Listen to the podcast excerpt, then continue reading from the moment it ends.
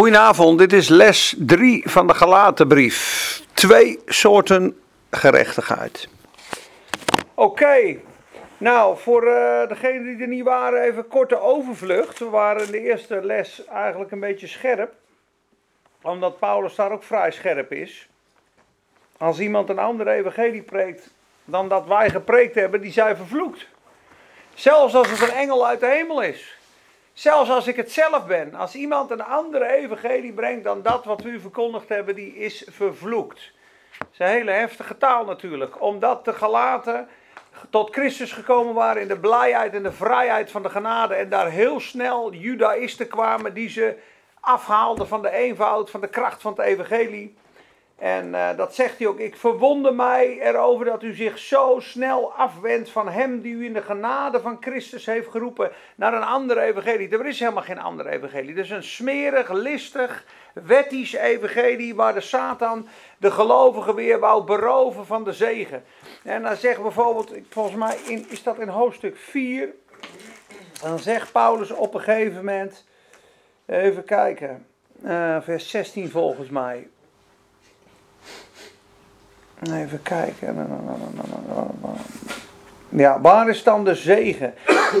Where is then the blessedness you, you speak of? Staat, staat er eigenlijk in het Engels, is in vers 15. Waarin prees u zich dan gelukkig? Want ik kan u getuigen dat u zo mogelijk uw ogen zou hebben uitgerukt en, aan, en aan mij zou hebben gegeven.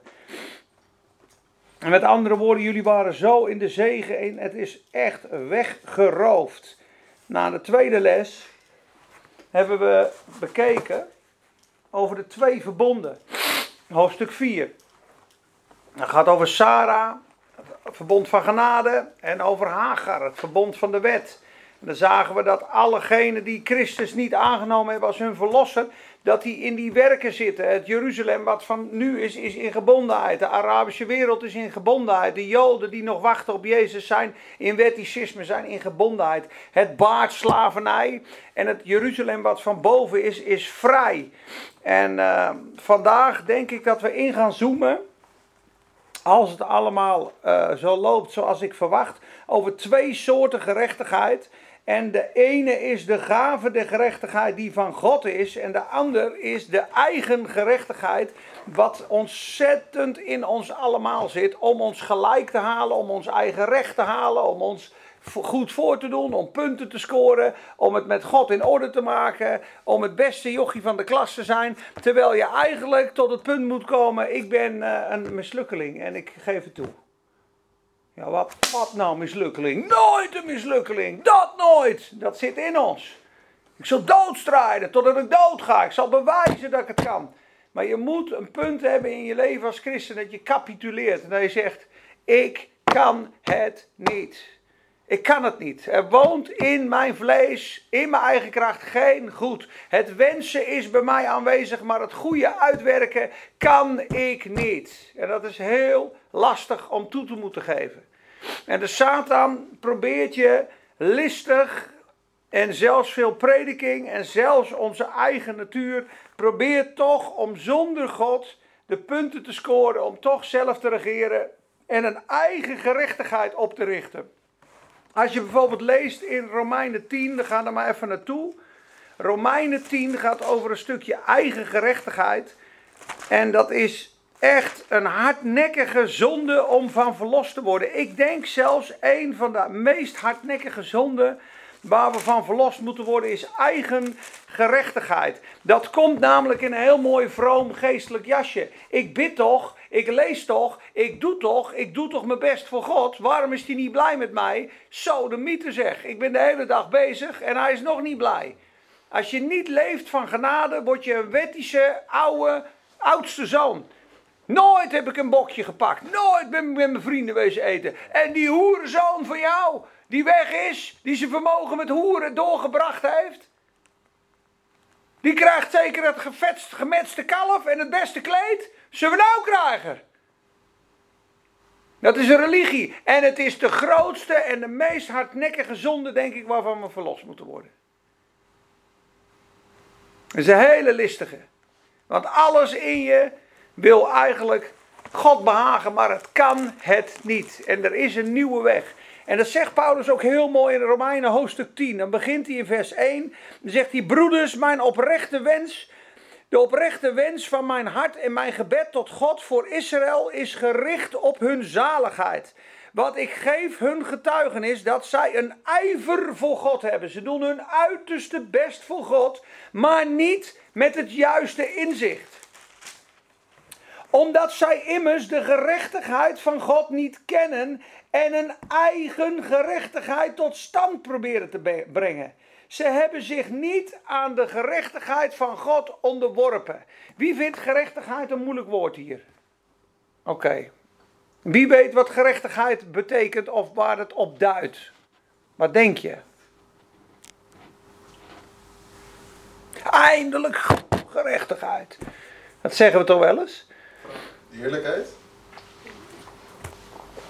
Ja, kijk, gerechtigheid. dat het met de genade te maken Ja, ook zeker. Hele goeie. De gave der genade, de gave der gerechtigheid. Kijk, gerechtigheid in de Bijbel of rechtvaardigheid betekent schuldeloos voor God staan. Jou treft geen blaam. Stel je voor, je wordt vals veroordeeld in de rechtszaak en de, en de advocaat en de rechter zijn duidelijk overtuigd. Madeleine heeft dat niet gedaan. Zij wordt vrijgesproken. Je wordt gerechtvaardigd. Zij heeft geen enkele misdaad begaan. Die vrouw is vrijgesproken. Dat is één. Dat is één kant van de rechtvaardigheid. Is dat je treft geen blaam. Onschuldig verklaard. Maar het positieve deel, dat is het negatieve deel. Hè, dus negatief ben je gezegend dat je geen zonde meer gedaan hebt. Maar het positieve deel van rechtvaardigheid is. Alle geboden wat God van jou zou eisen dat heeft Jezus voor jou gedaan. Die krijg je er ook nog eens bij. Dus in plaats van dat Madeleine vrijgesproken wordt, zeggen ze ook nog: sterker nog, zij heeft uh, die en die uh, uit de sloot gered. En ze heeft dit en dit en dit gedaan. Ze krijgt nog een erekrans ook. Hoe durven jullie haar ooit aan te klagen? Zij is niet alleen onschuldig, zij is ook nog totaal zuiver en rechtvaardig. Ze krijgt een ereonderscheiding. Ja, dan eh, word je gekroond. Dus je bent en vergeven door God, maar ook begenadigd door God. Dat Jezus heeft gezegd: luister, alles wat ik gedaan heb op aarde, dat zuivere leven wat je nooit kon leven, dat heb ik voor jou geleefd. En al jouw zonden heb ik op mij genomen. En ik heb een omwisseling gedaan aan het kruis. En het is niet eerlijk en het is niet te begrijpen dat God zelf naar beneden komt in de vorm van een mens. En jouw pijn en jouw straf en jouw schuld gaat dragen. En daarboven ook nog eens zegt: alles wat ik gedaan heb, waar ik de eer voor zou moeten krijgen, die geef ik ook nog eens aan jou. Ja, dan moet je wel heel veel van iemand houden. Dat is onbegrijpelijk. Dus op het moment dat Rechtvaardigheid betekent dus: één, je hebt alle geboden gehouden. En twee, je hebt geen één gebod gebroken. Dus je bent totaal schuldeloos en je bent ook totaal geslaagd met vlag en wimpel. Dat is hoe ik het probeer te onderbouwen. Het zal nog veel beter kunnen. Maar op het moment dat er staat dat de Joden hun eigen gerechtigheid proberen op te wekken, is eigenlijk met wetten, met regels, met lang bidden, met zwarte gewaden. En dan liepen ze op de Sabbat. Je mag niet 500 meter lopen. Die hoer daar, die is vreemd gegaan. Die gaan we straks doodgooien met stenen. En we gaan lang bidden vandaag. Lang bidden. Want God is behaagd met lange gebeden. Ja, en dan stonden ze zo voor die klaagmuur. Maar van binnen zo bitter als wat. En zij onderwerpen zich niet aan de rechtvaardigheid van God. Dat God eigenlijk zei: Vriend, hoe goed je je best ook doet, je bent zo zwart als roet. In mijn heilige ogen sta je schuldig, al bid je vier dagen. Al denk je het allemaal te kunnen, je kan het niet. Ook jij bent een zondaar. Ook jij hebt genade nodig. En ook jij zal het offer van mijn zoon Jezus Christus moeten omarmen. Want de enige weg van gerechtigheid hebben we besproken. Romeinen 3, vers 25. God heeft Jezus openlijk aangewezen als zoenoffer. Als zondemiddel. Er is maar één zondebok. Dat is het bloed van de Heer Jezus. En daar wouden de Joden niet aan. En daar willen ze nog niet aan. En op het moment dat je alles doet wat in je is om God te behagen, zal je altijd tekortschieten. Je zal altijd het falen hebben, want er is geen mens op aarde die de standaard van de hemelse liefde kan vervullen. Geen één. Dat komt omdat we een gevallen mensheid zijn. We waren bij God, we hebben overtreden, we zijn afgesneden van het leven en kijk eens wat er geworden is van ons. We zijn egoïstisch, we houden van, uh, van roem en rijkdom en eer en ik, ik, ik en de rest kan stikken. De natuurlijke mens wil alleen maar leven voor zichzelf en wil eigenlijk zelf God zijn. En deze hele wereld, als God zijn hand ervan af zou halen, zou één grote anarchie worden. Echt waar. Ze zeggen zelfs als de stroom drie dagen eraf is, heb je één grote anarchie. Ze nu de stroom eraf haalt, over twee uur zitten mensen te kijken. Over vijf uur trappen ze de supermarkt in. Over zes uur rouwen ze hele, uh, hele winkels leeg. En over twee dagen is het schieten, slaan, is het één grote anarchie en oorlog. Zo losgeslagen is die mensheid. Zonder de genade van God. Maar de Joden, die immers de gerechtigheid van God niet kennen, maar een eigen gerechtigheid tot stand proberen te brengen, hebben zich niet aan de gerechtigheid van God onderworpen. Dus stap 1, wat hij hier zegt, is: als je Gods gerechtigheid wil ontvangen, zul je je eraan moeten onderwerpen. Zul je nederig moeten zeggen: Heer Jezus, ik ben niet rechtvaardig. Ik sta schuldig. Ik heb alle geboden zeker niet gehouden. Als u rechtvaardig met mij oordeelt, sta ik onvoldoende. Maar ik heb gehoord dat u barmhartig bent. En dat u op grond van het offer van de Heer Jezus Christus mij aanvaardt in genade. Ik ontvang dat als een kind. Het is, ik snap het misschien niet, misschien is het te simpel, misschien zegt een ander, ja dat is lekker makkelijk. Is het zo makkelijk?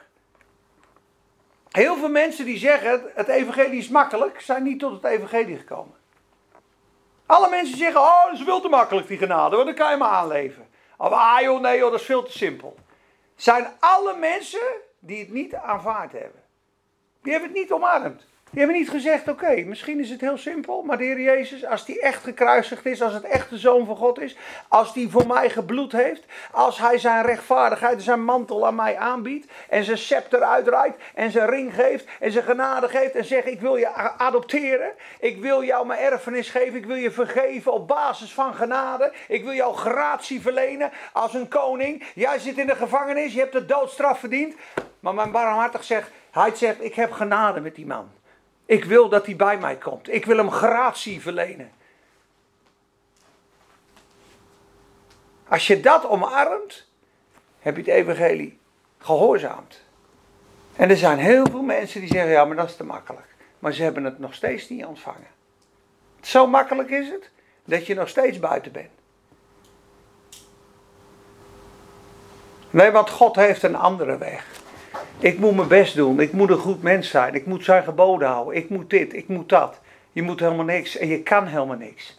En de Bijbel zegt zelfs zoals een luipaard zijn vacht niet kan reinigen van zijn vlekken. En zoals een, een man, er staat eigenlijk een, uh, wat staat er nou? Een moorman. Volgens mij is Madagaskar. Zodra, zo, omdat een moorman zijn huid niet licht kan maken. Zo bent u aan de zonde vastgegrendeld. Jeremia 3, 13, vers 22 is dat, meen ik. Zoals de moorman zijn huid niet wit kan maken en een luipaard zijn vlekken niet kan kwijtraken, zo zijt gij vast aan de zonde. En al uw rechtvaardige daden zijn voor mij als een wegwerpelijk bebloed kleed. Jezaja 64, 6. Dan zegt God, al jouw rechtvaardige daden, die zo rechtvaardig rijk in de ogen van mensen. Als ik het met mijn liefde en mijn heiligheid beschouw, is het wegwerpelijk bloedend kleed. Maandelijkse lappen staat er eigenlijk. Het is voor God afgrijzelijk. Dus er is geen één mens, hoe moeilijk het ook klinkt, die bij God in een goed blaadje komt, zonder opnieuw geboren te worden en zonder opnieuw de geest van God te ontvangen. Of zonder opnieuw geboren te worden, moet ik zeggen. En de geest van God ontvangen. Dat zegt hij ook heel mooi tegen Nicodemus. En daar spreekt die fariseer. Of uh, die, die, de bijbelleraar Nicodemus. Precies. Tenzij opnieuw, ga je opnieuw geboren wordt. Kunt gij het koninkrijk niet zien. De vraag, hoe, hoe zit het met de rechtvaardigheid voor mensen die nog geen bewustzijn hebben? Zoals kinderen. Ja. Die niet de keuze hebben gehad om... Uh, dat is een goeie. Ja. Deze keuze te maken. Ja. ja, ik heb het vandaag nog gelezen in Je, Jezaja 7 vers 16, dat gaat over Jezus. En er staat totdat de jongen kwam op een leeftijd, omdat hij het kwade kon verwerpen en het goede kon aannemen, was hij onder de bescherming en de besluiering van God. Dus zodra een kind in, bij machten is om het kwade te verwerpen en het goede aan te nemen, is de dag dat hij tot het volle verstand gekomen is. En daar kan hij de Heer Jezus aanvaarden of kiezen voor het kwaad. En daarom is het best heftig, want je zou denken, ja, God is wel genadig, een jongen van 13 of een jongen van 15. Dat, is, dat doet God wel zo. Maar er zijn verhalen van kinderen van 14 die echt in de zonde leefden, waarvan hun moeder vele malen gezegd had: geef je leven toch aan Jezus. En, en dat is een heel heftig verhaal dit, want op een gegeven moment vond die moeder een blaadje: morgen geef ik mijn leven aan Jezus. En dan zag ze weer: en morgen geef ik mijn leven aan Jezus. Morgen geef ik mijn leven aan Jezus. Morgen geef ik mijn leven aan Jezus. En de negende regel was het meisje niet meer wakker geworden. Een heel heftig verhaal. En die moeder zag: jongen, jongen, jongen. Waarom stelde ze uit? We hebben niet de dagen gekregen van God. Kijk, een mens zonder God leeft in vijandschap met God, is afgesneden van God door de zondeval en is, zoals de Bijbel zegt, onder de heerschappij van Satan in het rijk der duisternis. Kinderen des toorns noemt de Bijbel dat. Dat is heel heftig hoor. Wij denken, ah, maar ah, joh, God maakt niet zo'n probleem van die zonde. God is toch barmhartig, alles is toch goed. Nee, de mensheid die niet tot het kruis van Jezus Christus gekomen is, staat vijandig tegenover God. En kan op dit moment niet gered zijn. Sterker nog, ze zijn in een fatalistische positie. Zo heftige positie dat Jezus zei: Als ik niet aan het kruis ga sterven voor hun, gaan ze rechtstreeks naar de hel. Er is maar één manier om van die hel af te komen, dat is dwars door mij heen. Niemand komt tot de Vader dan door mij.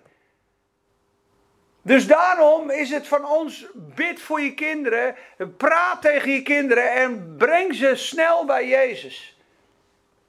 Het is niet fijn als je kind van, twee, van 12 tot 25 in de wereld blijft hangen. En het is niet gegeven dat ze 25 of 40 of 50 worden. Ik had ook dood kunnen gaan midden in mijn drugstijd. Ik had ook midden in de zonde en het hoeren en het sloeren. Ik ging zonder licht op mijn mountainbike tegen de snelweg in.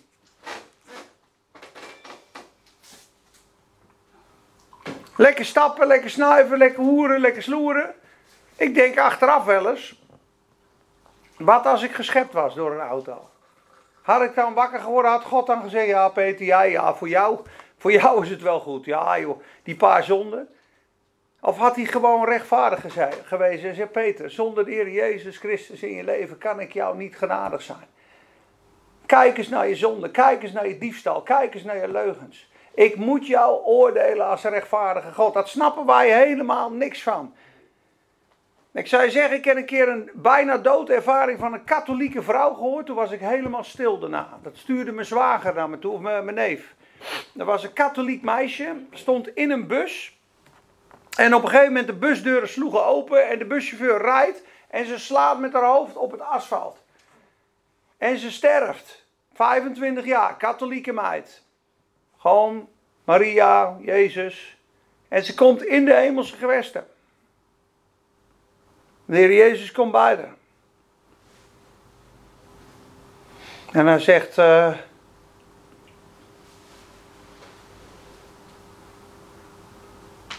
je gaat het niet halen. En ze zegt: Ja, maar ik ben toch een hartstikke goed mens. Ik ben katholiek. En toen laat hij haar haar zonde zien. En ze zegt ook in die preek, kijk maar op YouTube, daar word je stil van hoor. Als je de wet van God gebroken hebt, sta je schuldig voor God, zegt ze. Je moet opnieuw geboren worden door de Heilige Geest. En, hij, en ze zegt, ja, maar ik heb, ik heb nog helemaal nooit niks fout gedaan. Ze zegt, ja, op aarde is jouw zonde misschien zo, hè. Maar hier ben je tien jaar en lieg je tegen je moeder. En ze, ze ziet dat gewoon zo. En dat is zo heftig in de hemel. Ze zegt, ja, maar dat, dat, is toch als kind, dan zegt ze, oké, zegt de Heer, maar dat was helemaal niet je grootste zonde. Je haat je je stiefmoeder, met alles wat in je is. Klopt, zegt ze.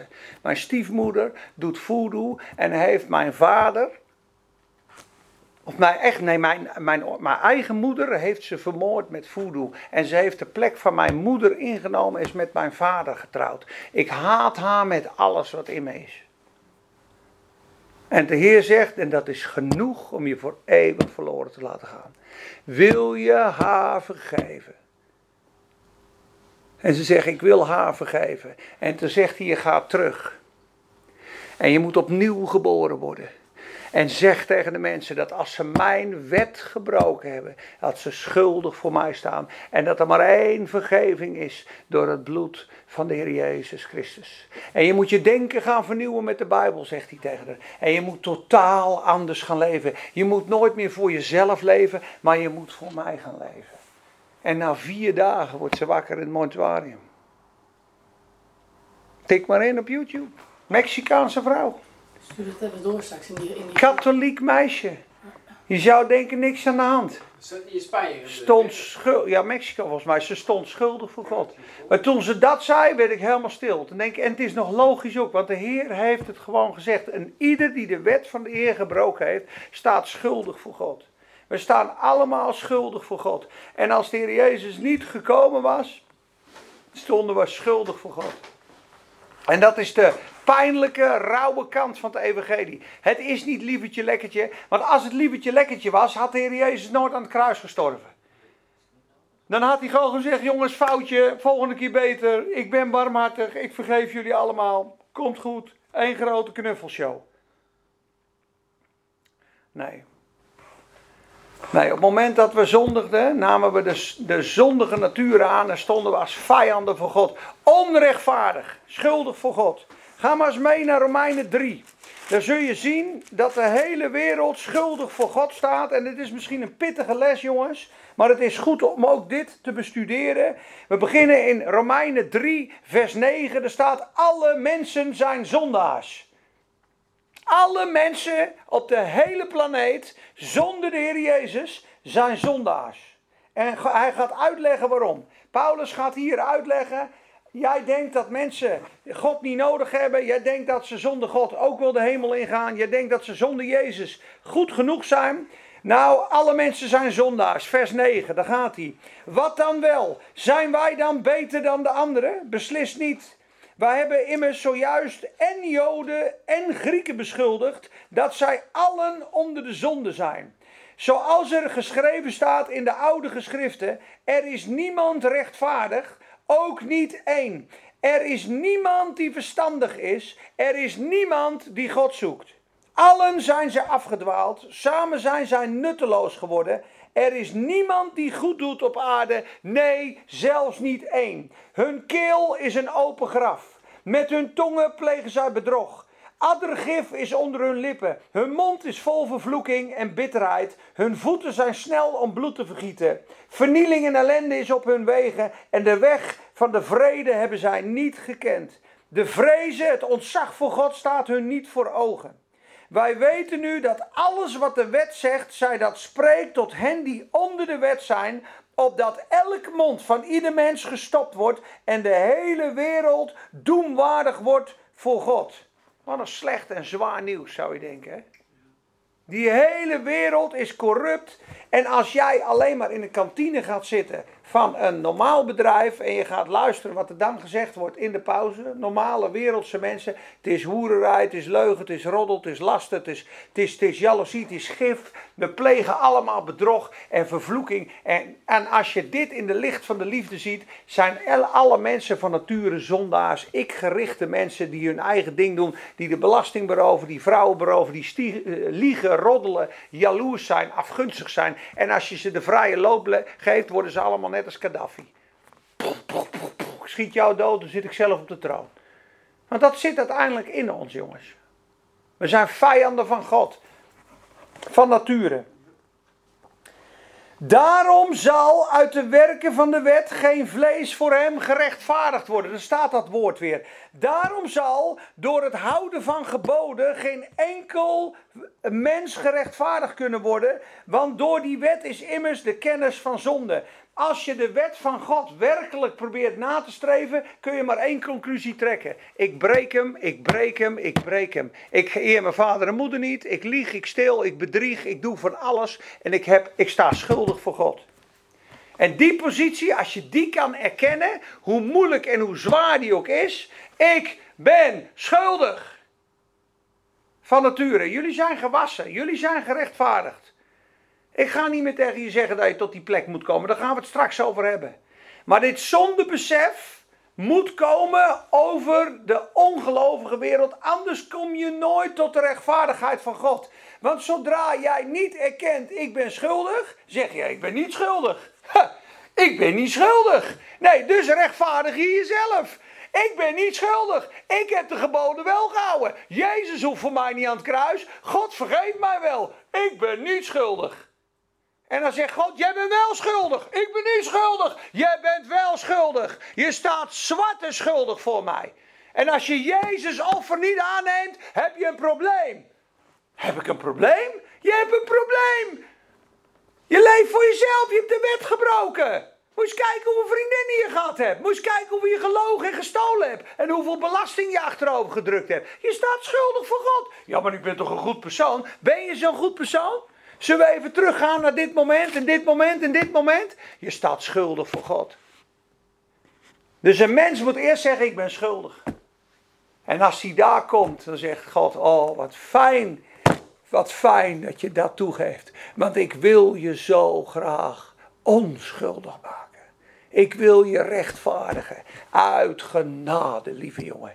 Ik ben voor jou gekruisigd. Ik heb je pijn en je strijd en je zondes gezien. En ik wist het. Je bent tot niets goeds in staat. En ik had je kunnen laten gaan tot in de verdoemenis. Maar ik wou het niet. Ik wou het niet. Ik zei tegen mijn vader in de hemel: Ik ga voor hen. Ik ga voor hen sterven. Ik ga hen kopen.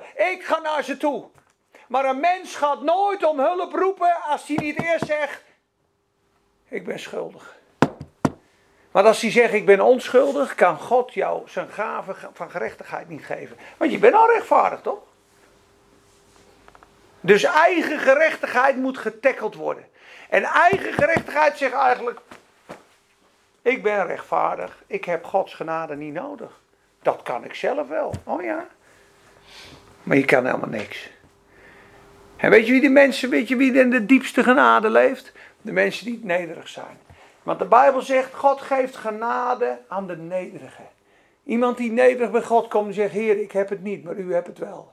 Uw woord zegt, uw woord zegt dat het zo is. Ik onderwerp me aan dat woord. Als u zegt dat ik mij moet buigen om die rechtvaardigheid te ontvangen, ook al snap ik het niet, dan geloof ik het toch.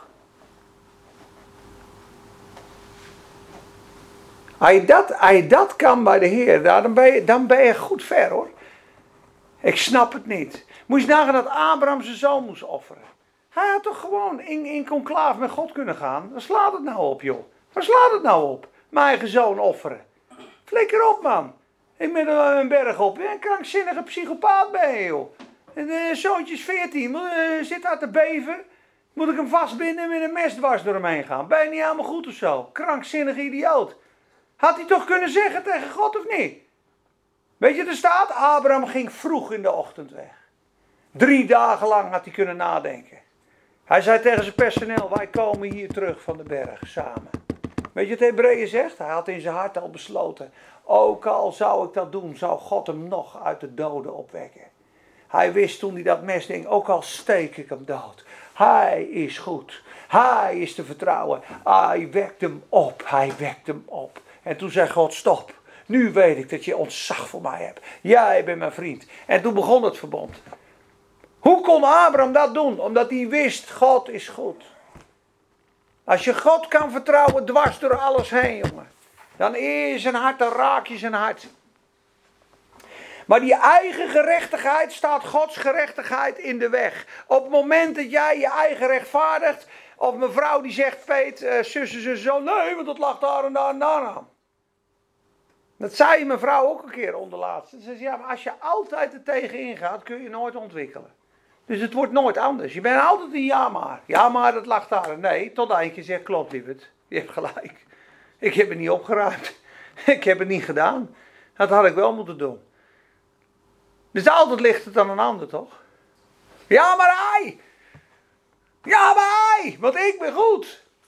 Dat is de kern van ons probleem als mensen. Als we daarvan verlost worden, kom je tot Gods gerechtigheid, kom je tot de kalmte. Want dat staat er in vers 21. Romeinen 3, vers 21. Maar nu is zonder de wet de rechtvaardigheid van God geopenbaard. Waarvan de wet, dus de Bijbel, getuigt. En de profeten. Jezaja, Jeremia, al die profeten hebben vroeger geschreven over die rechtvaardigheid. Namelijk de gerechtigheid van God door het geloof in Jezus Christus. Dit is voor allen en tot allen die geloven. Er is namelijk geen onderscheid, want alle mensen hebben gezondigd. Er is er geen één spat zuiver. Ze hebben allemaal een onvoldoende. En ze missen allemaal Gods rechtvaardige standaard van zijn heerlijkheid. Maar worden gratis gerechtvaardigd door zijn genade. Door de verlossing die in Jezus Christus is. Of je het wil geloven of niet. Dit is de enige weg waarvan God zegt. Amen. Wat staat er in vers 25? Hebben we toch gelezen? Want God heeft hem openlijk aangewezen. Als middel tot verzoening. God heeft gezegd, dat is de enige weg tot verzoening. Mijn eigen zoon heb ik gegeven. Als je de zegen wil, als je rechtvaardigheid wil, als je vrede met mij wil, is er maar één weg. Kinderlijk eenvoudig. Vertrouw in de Heer Jezus Christus. Stel je vertrouwen op de Heer Jezus Christus. Wist je dat die mannen in die cel, ken je dat nog in Handelingen 16? Ja, weet het misschien niet, maar Paulus en Barnabas worden kapotgeslagen ruggen in de kerken geworpen. Ze hebben verteld over Jezus in een plaats. En ik meen dat het de plek is dat Paulus op een gegeven moment een waarzeggende geest uitwerpt van een, van een meisje die de toekomst voorspelt. En ze verkopen daar allemaal zilveren tempeltjes en ze hadden heel veel geld. En op een gegeven moment schreeuwt ze vier dagen lang: Dit zijn de dienstknechten van de Allerhoogste God. Die verkondigen u de weg van de zaligheid. Je denkt, nou, dat klinkt best, eh, best goed. En dit deed zij vele dagen lang. Toen Paulus op weg was naar het gebed. En Paulus weet eigenlijk niet zo goed wat hij ermee aan moet, zeggen ze. Want hij weet, hij weet al drie dagen niet wat hij moet doen. Want ze vertelt een goed verhaal, een waarzeggende geest. Dit zijn dienstknechten van de Allerhoogste God die u de weg der zaligheid verkondigen. Je zou denken, dat is een goede reclame, toch? En op een gegeven moment is Paulus het zat en hij keert zich om en hij zegt tegen die geest: Uit, ga uit haar vandaan. Boem. En haar gave van profeteren en waarzeggerij was weg. En haar mensen die haar verhuurden verdienden geen geld meer. En er was een grote oproer in de stad. En ze grepen Paulus en Barnabas, wierpen ze in de gevangenis, sloegen hun ruggen kapot, zetten hun in de binnenste kerker met de voeten in het blok. Dan zit je daar tussen de ratten, kapotgeslagen rug in het donker. En wat doen deze tijgers? Zingen God aanbidden. Ze beginnen te zingen en te loven en te prijzen. Fasie is toch niet normaal? Hoe zou een mens dat kunnen doen? De Heilige Geest in hun hart is God zelf. Die wekt op als een vuur en die begint dwars in deze situatie God te loven en te prijzen. Er kwam een aardbeving, de deuren gingen open en de gevangenisbewaarder pakt zijn zwaard en wil zichzelf doodsteken. Want hij denkt alle gevangenen gaan de deur uit. En Paulus zegt, ho, wij zijn allemaal hier. En hij komt tot overtuiging en hij vraagt één ding: wat moet ik doen om gered te worden? En het enige wat Paulus zegt is: stel uw vertrouwen op de Heer Jezus Christus en u zult gered worden en uw hele huishouding. En in dat nachtelijke uur waste hij hun ruggen van de striemen en bracht hen in zijn huis. En zijn huis werd gedoopt en ze zongen Gods lof. En toen zeiden de, magistraten, zei Paulus, je kan gaan. Dat heb ik je vorige week verteld, dat Paulus een aparte vogel was. En die zei, nee, ze hebben ons zonder rechtszaak hier met een kapotte rug in die gevangenis gezet. Ik blijf net zo lang zitten, ze komen ons er zelf maar uithalen. Dan bleef hij drie dagen zitten. Wat een keeltje hoor. Maar hoe zette die een hele stad op zijn kop? Door een geest van Python uit te drijven. The spirit of Python, Python staat er in de, Griek, Griekse grondtekst. Een slang zat in dat meisje. Maar je ziet het, hij werpt daar de kracht uit van de Satan en de hele stad is een reparoer en je wordt in de gevangenis gegooid. Met, ik had onlaatst een profetische vrouw die was aan het preken over het evangelie en ze zei zes keer: It's revolutionary and dangerous to all other powers. Zeggen ze zes keer. The gospel is revolutionary and dangerous to all other powers.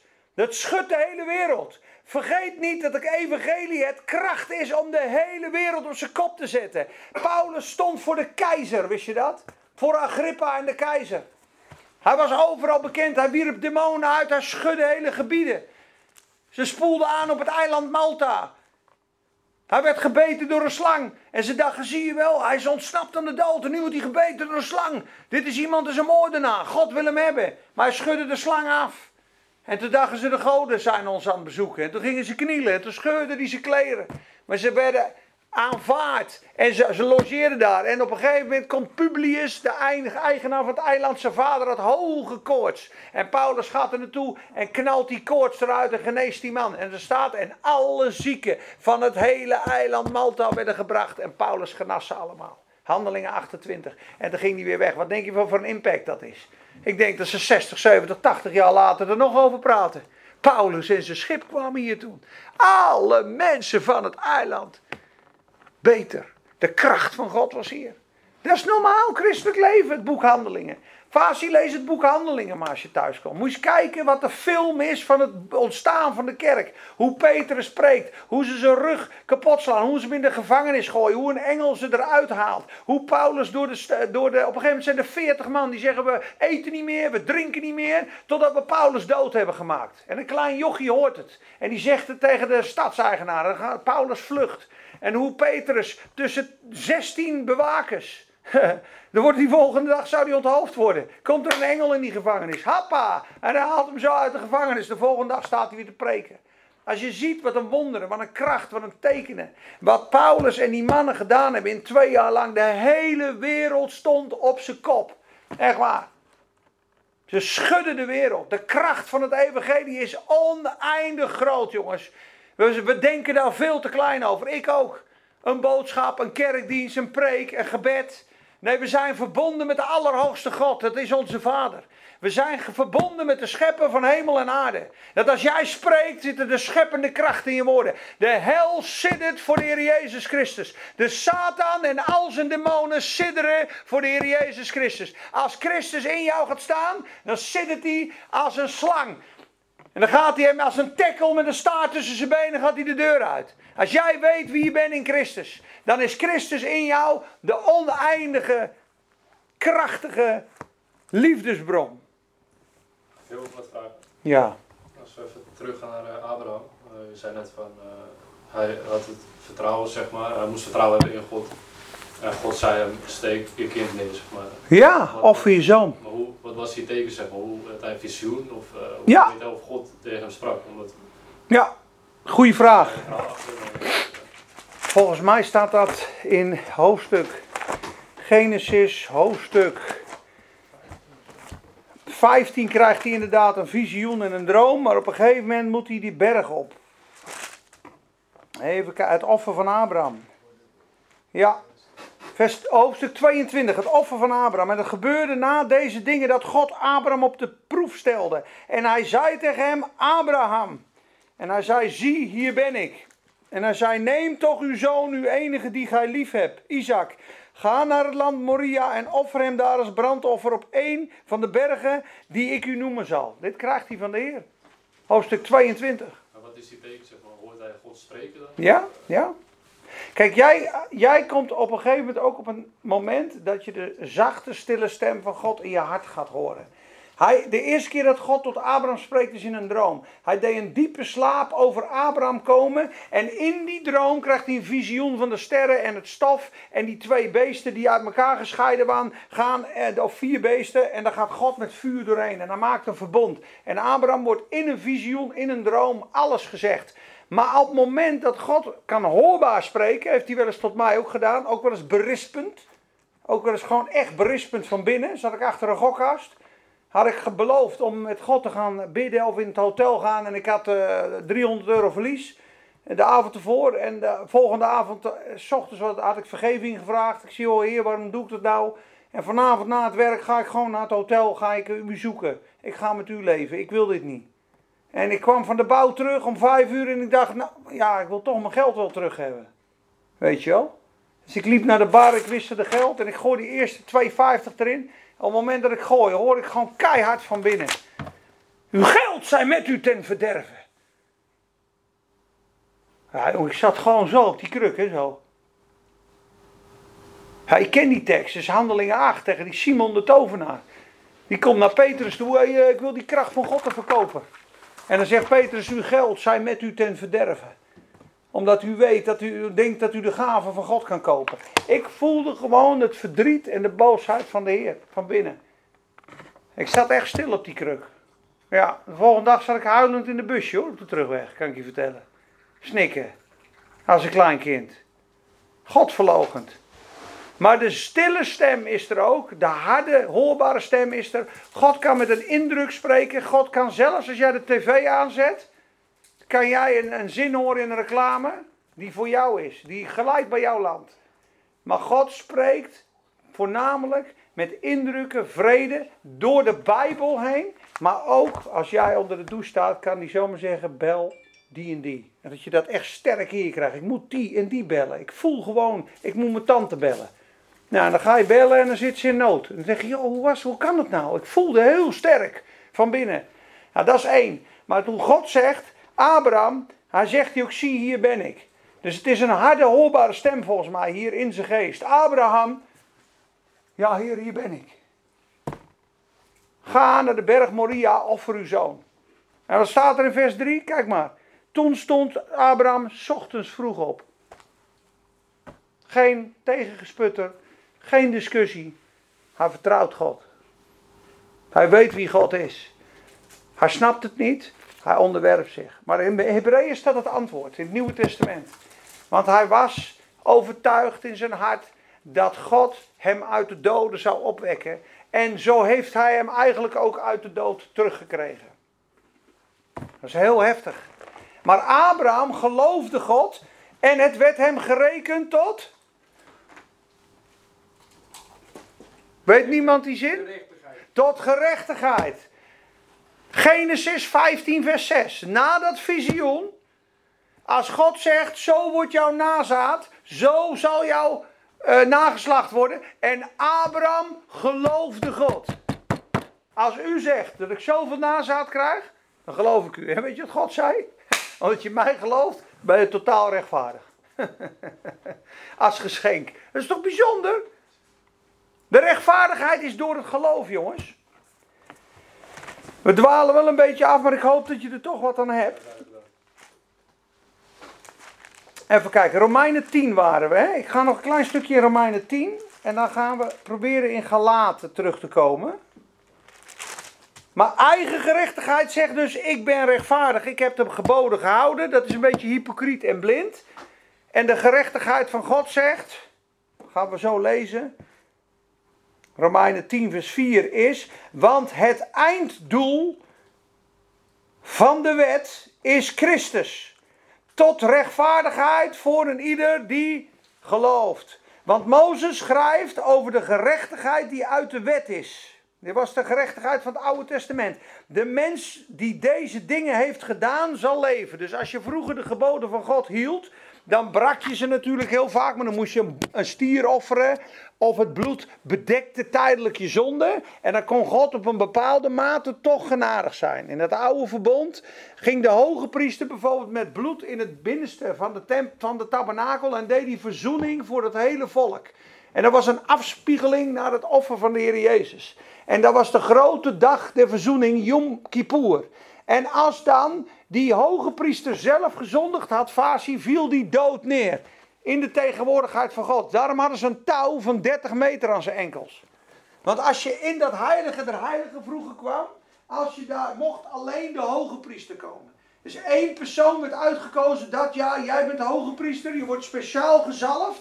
Alleen jij mag daar achter dat voorhangsel in dat heilige tegenwoordigheid bij God komen om verzoening te doen voor dat volk. En had een jas aan met allemaal belletjes en had een touw om zijn been.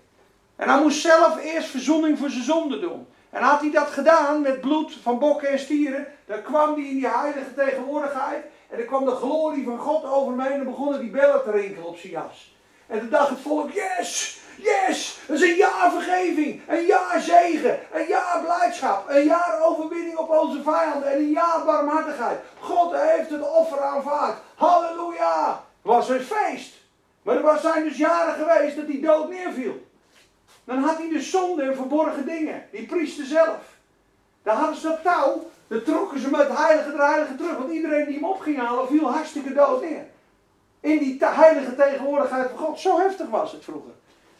Als je in Leviticus 10 leest, dan denk je, ja, hoe, hoe streng is God?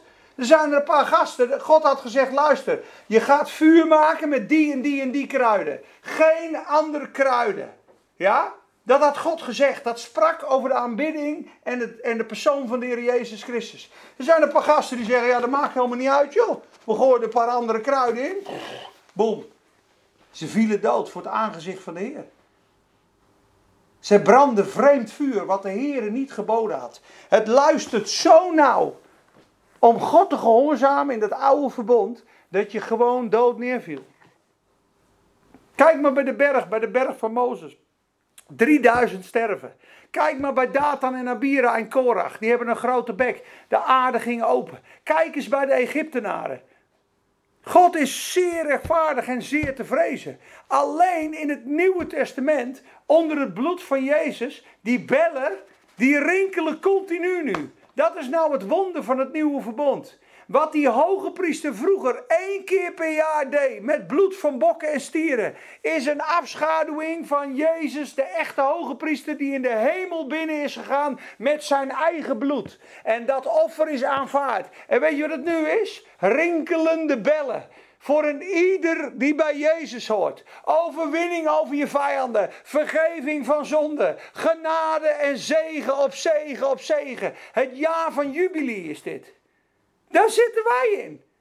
Eigenlijk zouden we de hele dag moeten juichen en dansen.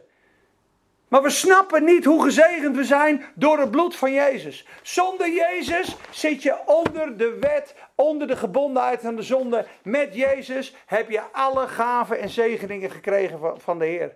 Prijs de Heer. Dat is toch niet normaal, hè? Maar we beseffen het maar niet.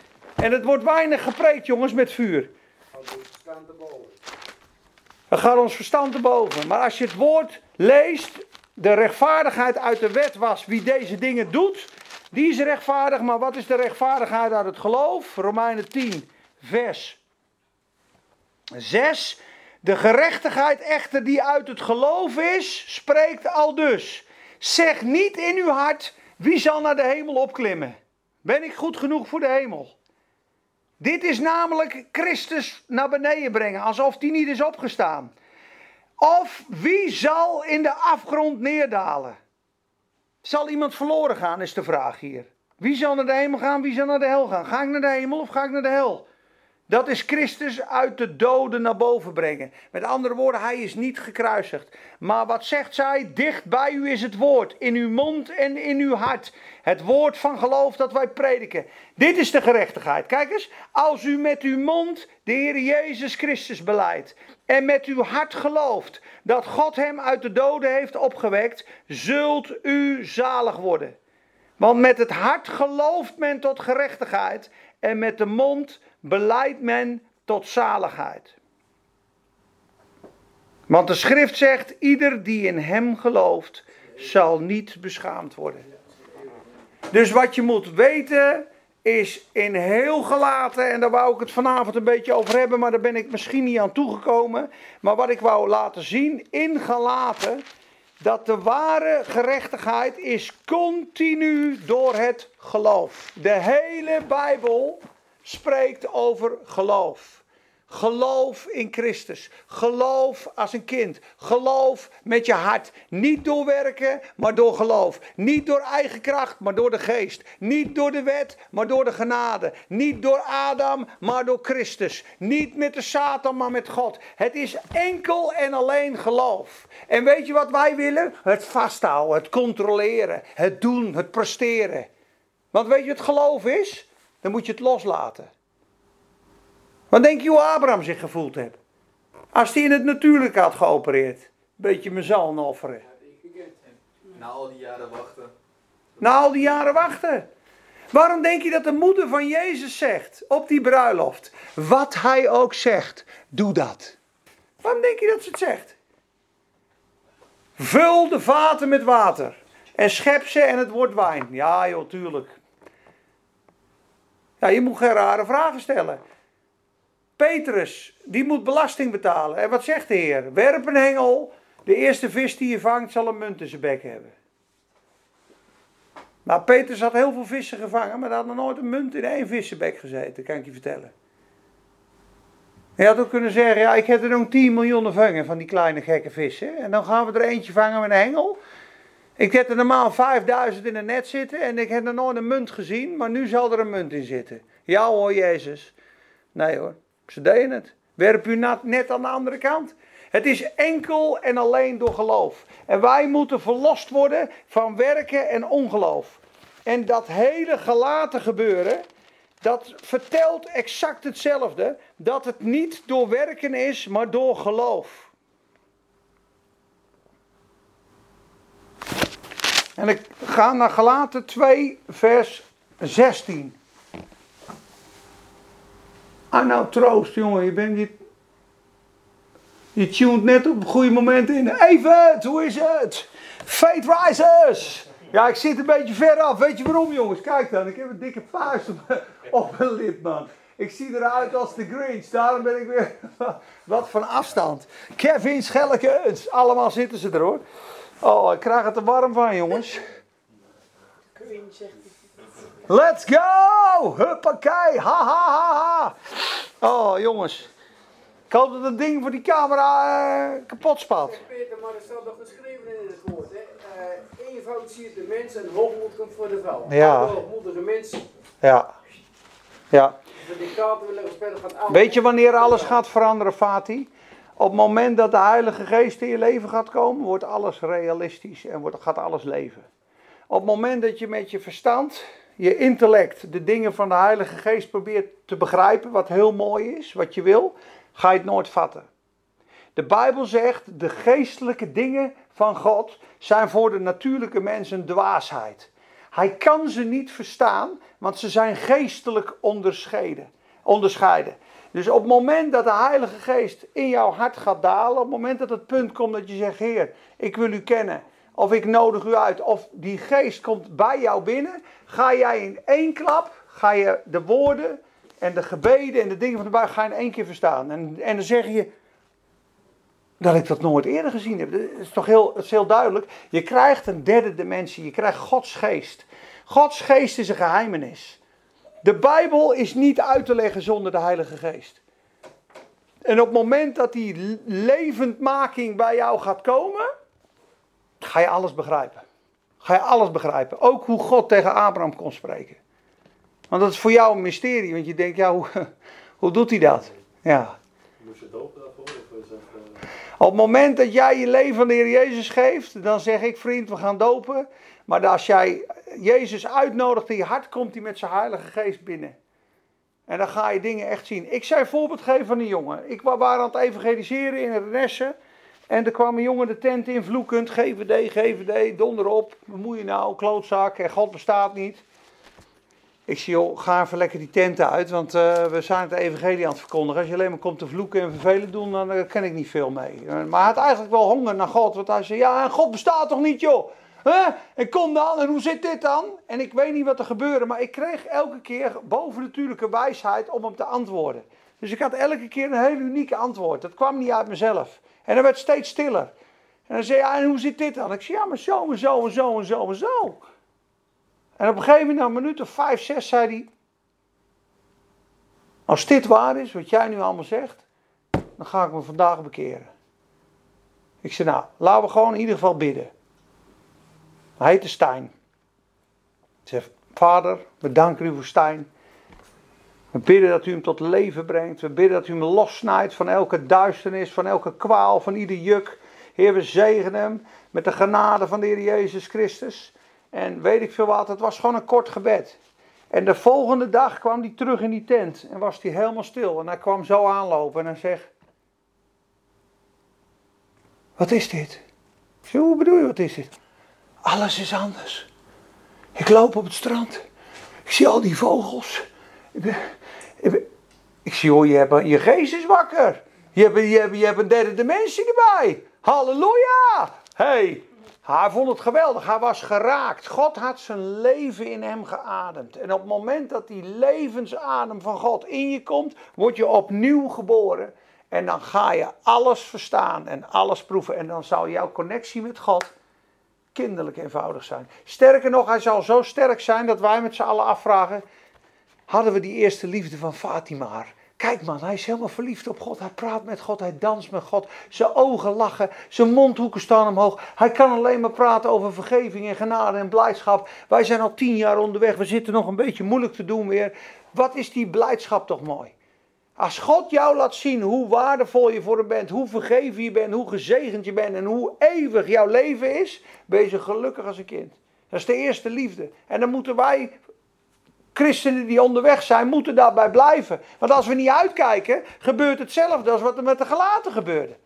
Komen er een paar eh, zwarte pakken judaïstisch aan. eh, je, kan wel denken dat je zo blij in Jezus bent, eh, maar je moet wel eventjes aan het werk, hè. Je moet evangeliseren, je moet bidden, je moet dit, je moet heilig leven, je moet tiende betalen, je moet, je moet, je moet. En als je daarvoor valt, dan zit je er weer. Ja, ja, ik was wel blij in Jezus. Ik heb wel eh, eeuwig leven, denk ik. Maar ja, ik, eh, God is nog niet helemaal tevreden met me. De bellen rinkelen wel, man. De bellen rinkelen. Het bloed is uitgestort. Halleluja. Oh, lekker! Tik maar even in. Hey, de bellen rinkelen. halleluja, de bellen rinkelen. Oh, halleluja. Galaten 2, vers 16. En schrijf dit maar op en lees het thuis maar na. Galaten 2, vers 16 tot 3, vers 26 spreekt 21 keer over geloof. 21 keer over geloof. De bellen rinkelen. Lekker. Mooi hoor. It's time for Jubilee. 21 keer jongens staat er geloof. En het begint in vers 16. Want wij weten dat de mens niet gerechtvaardigd wordt door de werken der wet, maar door het geloof van Jezus Christus. En ook wij zijn in Christus Jezus gaan geloven. Zie je dat die omgedraaid wordt? Jezus Christus is de mens, Christus Jezus is de opgestane. Jezus, de Christus, Christus Jezus. Het is een om, ommekeer. We zijn in Christus Jezus gaan geloven, de opgestane. Opdat wij gerechtvaardigd zouden worden uit het geloof van Christus en niet uit de werken der wet. Immers uit de werken der wet wordt geen mens of geen vlees gerechtvaardigd. Maar als wij die in Christus verlangen gerechtvaardigd te worden, zelf ook zondaren zijn door weer wettisch te gaan leven, is Christus dan een dienaar van de zonde? Het is een moeilijk stuk. Vers 19, want ik ben door de wet voor de wet ge- gestorven opdat ik voor God zou leven. Ik ben met Christus gekruisigd en niet meer ik leef, maar Christus leeft in mij. En voor zover ik nu leef in het vlees, leef ik door geloof in de Zoon van God. Ik doe de genade van God niet te niet, de genadegave van God. Want als rechtvaardigheid zou zijn door het houden van Gods geboden, is de Heer Jezus Christus te vergeefs gekruisigd. Had hij nooit hoeven komen. Als rechtvaardigheid en vrede met God te verdienen zou zijn door gedrag, is het kruiswerk van de Heer Jezus een sprookje. Dat zegt Paulus. Dat had hij nooit hoeven komen. Maar er was geen hoop voor niemand. Dus ieder mens die zijn werken stelt op de werken der wet, is misleid en mist het evangelie. En dat is gevaarlijk, jongens. En dat is ook moeilijk. Want iemand doet zijn uiterste, uiterste, uiterste best en denkt dat hij recht voor God staat. Maar hij heeft geen vrede. Er is alleen vrede tussen jou en God op het moment dat het offer van de Heer Jezus Christus zegt: luister, al jouw zonden zijn op mij gekomen. Al mijn rechtvaardigheid is op jou gekomen. Ik heb geen zonde gekend. Maar het is nu jou toegerekend. Jouw zonde, zo zwart als roet. Je bent schuldig voor God. Als God rechtvaardig met jou handelt, is het te laat. Kan je niet gered worden. Zit je vast aan de Satan en de hel. Maar weet je wat? Ik heb je vrijgekocht met mijn bloed. De Satan is verslagen. Mijn witte sneeuw, mijn rechtvaardigheid geef ik aan jou. Als je dat doet, ga je van de dood naar het leven. Dit is enkel en alleen door geloof. O dwaze gelaten, wie heeft u betoverd om de waarheid niet te gehoorzamen? Voor wie Jezus Christus eerder voor ogen geschilderd was. Dit wil ik van u weten. Heb gij de geest, de heilige geest ontvangen, door, door je be- best te doen of door de prediking van het geloof? Bent u begonnen in de geest? Gaat u nu verder met het vlees?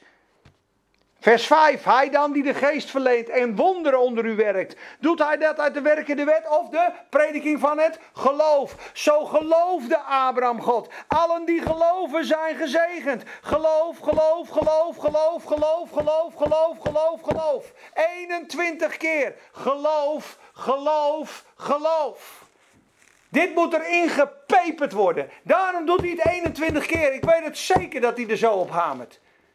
Hebreeën 11 ook 21 keer. Door geloof. Door het geloof. Het is niet door werken. Gods nieuwe weg is door geloof. Enkel en alleen door geloof. Als je dit gaat proclameren, ga je wandelen in de realiteit. Ik hoef het niet meer te verdienen, hij heeft het voor me verdiend. Ik hoef geen punten te scoren, ik heb een 10 met een griffel. Ik hoef niet meer aanvaard te worden, hij heeft me al lang aanvaard, jongen. De bellen rinkelen! hey, de bellen rinkelen! Voor eeuwig rinkelen de bellen van Melchizedek. Hij heeft je voor eeuwig rechtvaardig gemaakt. Voor eeuwig vergeven. Voor eeuwig gezegend. Voor eeuwig geheiligd. Voor eeuwig. Het is klaar. Het is volbracht. Het is volkomen. Dat is de rechtvaardigheid van God. Voor eens en voor altijd en voor eeuwig door het geloof. En de bezegeling van de Heilige Geest komt op het geloof. Want dat zegt hij.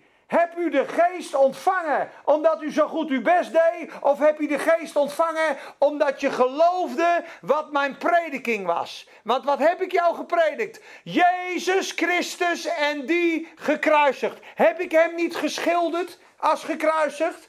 Paulus kwam aan. Er is er één voor jou gekruisigd.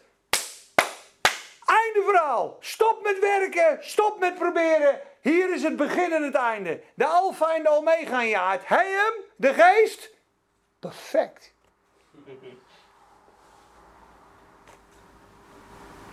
Is goed genoeg hoor. Is echt goed genoeg.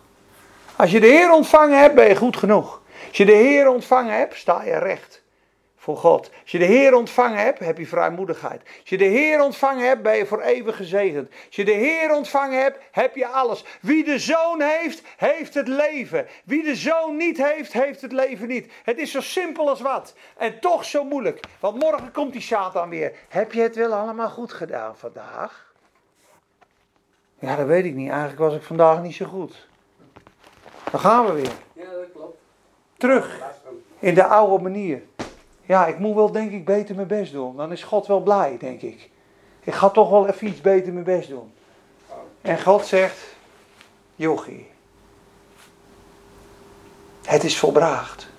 Kijk nou naar mij. Heer, de meest hardnekkige zonde waar wij van verlost moeten worden is eigen gerechtigheid. En het is de moeder van alle religies op de hele aarde. En weet je waar het in geboren wordt? Door het besef van minderwaardigheid en onvrede naar God zoekt iedereen om vrede te krijgen met God. Vrede met zichzelf. Ieder mens wil goed zijn. Ik weet zeker dat ieder mens van nature wil het goede wel doen. Ze willen allemaal politie worden, ze willen allemaal brandweerman worden, die kleine jochies. Ze willen de gerechtigheid uh, doen, ze willen een goed mens zijn, totdat het, uh, het leven begint. Je ziet het vandaag, een beetje strippen, een beetje drank, een beetje casino, een beetje snuffel, snaffel, huppel, happel. En dan ben je verdwaald op de weg. En je goede voornemens die je had om een, politieagent te worden, is uiteindelijk bij een corrupte hond geworden. Of een hypocriete vent die bij het vierde meisje zit. En hij heeft al drie harten gebroken. Ja. Maar Peter, één ding, want Jezus is ook als mens gekomen. Die wist best wel wat wij als mens ook elke dag Ja, hij is verzocht in alle dingen, doch zonder zonde. Daarom kan hij ook sympathiseren. Staat in Hebreeën 2. Ja. Ja. Maar jongens, ik, heb, ik weet niet, we gaan zo stoppen, maar ik, heb getracht iets te doen. Volgende week gaan we denk ik verder op dit onderwerp, want dat is nog veel meer over te zeggen. Maar de gave der gerechtigheid stelt jou recht voor God, recht als zoon, thuisgekomen, gezegend, de bellen rinkelen. Je hoeft niets meer te doen. Het is volbracht, het is gedaan, het is compleet. En je eigen gerechtigheid zegt eigenlijk: Ik geloof niet dat dat offer voldoende was. Ik ga het zelf toch proberen om punten te scoren. En elke keer als je dit doet, ben je eigenlijk aan het zondigen tegen het bloed van de Heer Jezus. Ben je eigenlijk net als die fariseeërs waar we mee begonnen in Romeinen 10. Zij hebben een ijver voor God, dit geef ik toe. Ze doen hun best voor God, zegt hij. Maar niet met verstand. Want ze zoeken hun eigen gerechtigheid op te richten. En hebben zich niet onderworpen aan de gerechtigheid van God. Laten we ons biddend onderwerpen aan de gerechtigheid van God. Sluit je ogen maar, dan bid ik.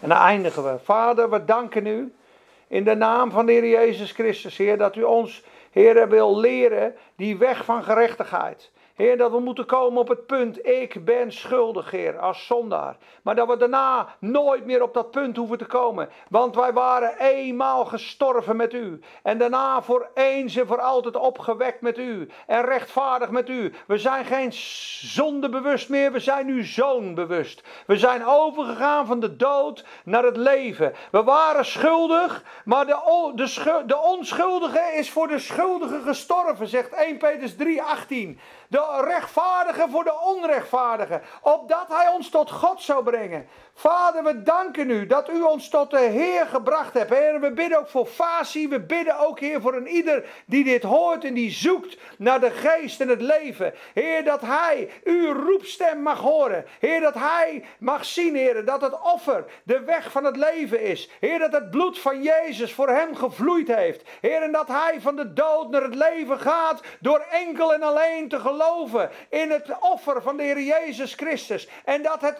evangelie de reddende kracht is die hem van de dood naar het leven brengt. En dat hij u mag horen uw naam mag horen, heren. En dat hij zijn naam uit uw mond mag horen. Dat bidden we, Heer. Dat hij van de dood naar het leven gaat. Dat hij zal weten wat het is om gered, gereinigd, gerechtvaardigd en geheiligd te zijn. En een zoon te zijn en gezegend te zijn. En over te gaan van die oude wettische Sinaï-berg naar die mooie berg Sion in de hemelen. Waar zijn naam gestekend staat, waar het feest is. Heer, breng ons naar het feest. Breng ons naar de bellen rinkelen. Vergeef ons ons ongeloof. Vergeef ons onze schulden, Heer. Vergeef ons ons gemekker en getyranniseer, Heer. En ons gere, gereligieuze gezeur. Heer, we verwerpen het. We werpen het af, Heer. En we vragen, Heer, of we in uw genade mogen floreren. Heer, of we in het geloof mogen staan, Heer. Dat ieder juk gebroken wordt. Dat elke weesgeest gebroken wordt. Dat elke leugen, elk juk gebroken wordt over ons leven. In de naam van de Heer Jezus Christus. Heer, we prijzen u voor uw offer. U heeft het volbracht. En u zegt, gezegend is een ieder die gelooft in het evangelie. All they which be of faith are blessed with faithful Abraham. Allen die uit het geloof zijn, worden gezegend met gelovige Abraham. In Jezus' naam. Amen. Amen.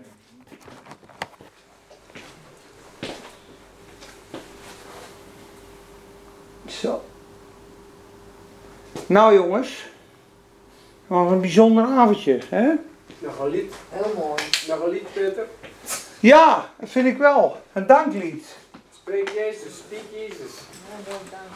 Ja. Als dank voor wat u deed. Ja. Dat doen we. Als dank voor wat u deed. Nee, geweldig avond, Peter. Echt.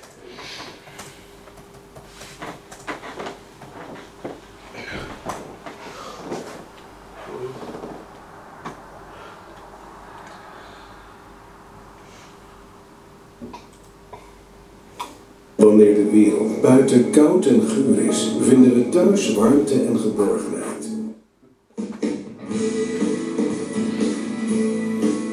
Je moet, je moet gewoon lekker lezen.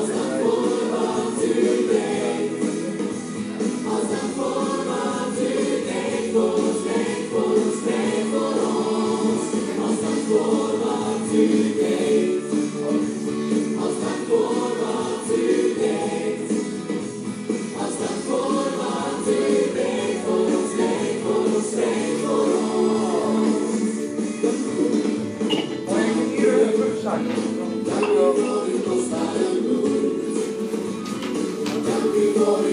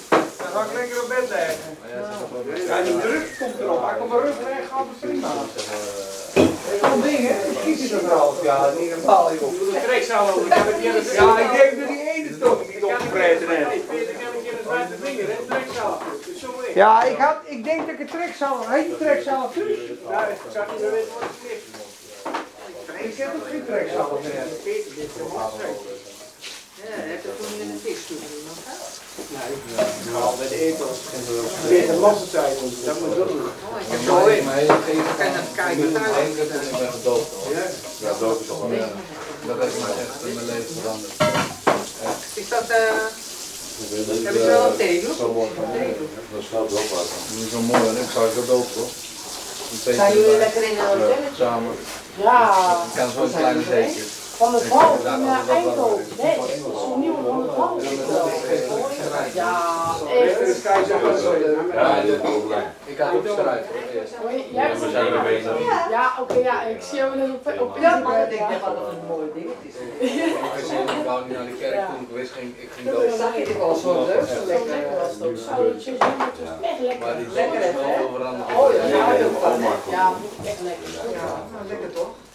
En dan hou ik verschil er goed er een thee? Oh, een stuk beter dan Nou, dat. Spanje. Ja. Eh, ja, ik heb het Ja, tegen. voor jou, ik was helemaal eh, in de religie, joh. Helemaal pitten, helemaal, helemaal dingetjes. Ja, dat is gewoon helemaal negatief. Sorry, ik ben er zo helemaal Opeens, ik was echt, ik feest, ik moest erbij, eh, ik moest uitlezen, dit, dat, ik, ja, en ik je kom niet op ik dacht alleen maar, ik ga, is goed, joh. Ja. Aan de setjes, aan de setjes of dit spul of zo. Ik heb alleen dit. Ja, daar die kop ja. Ja,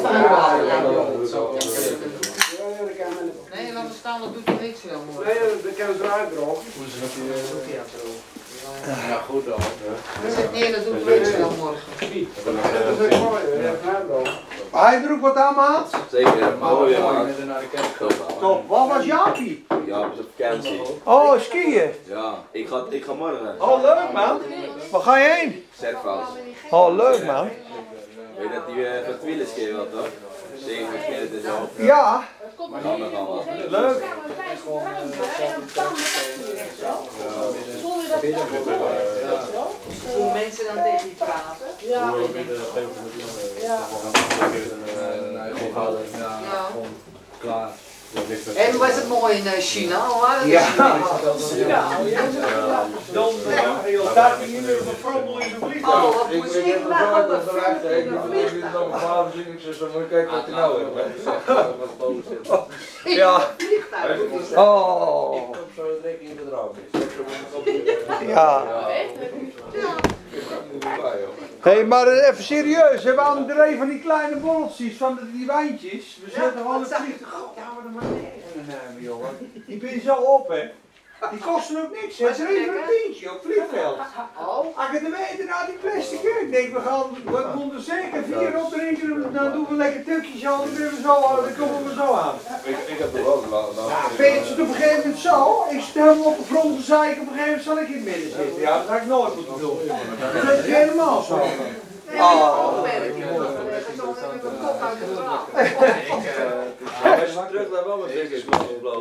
Ja, de tweede vlucht zetten we een hele grote airjet.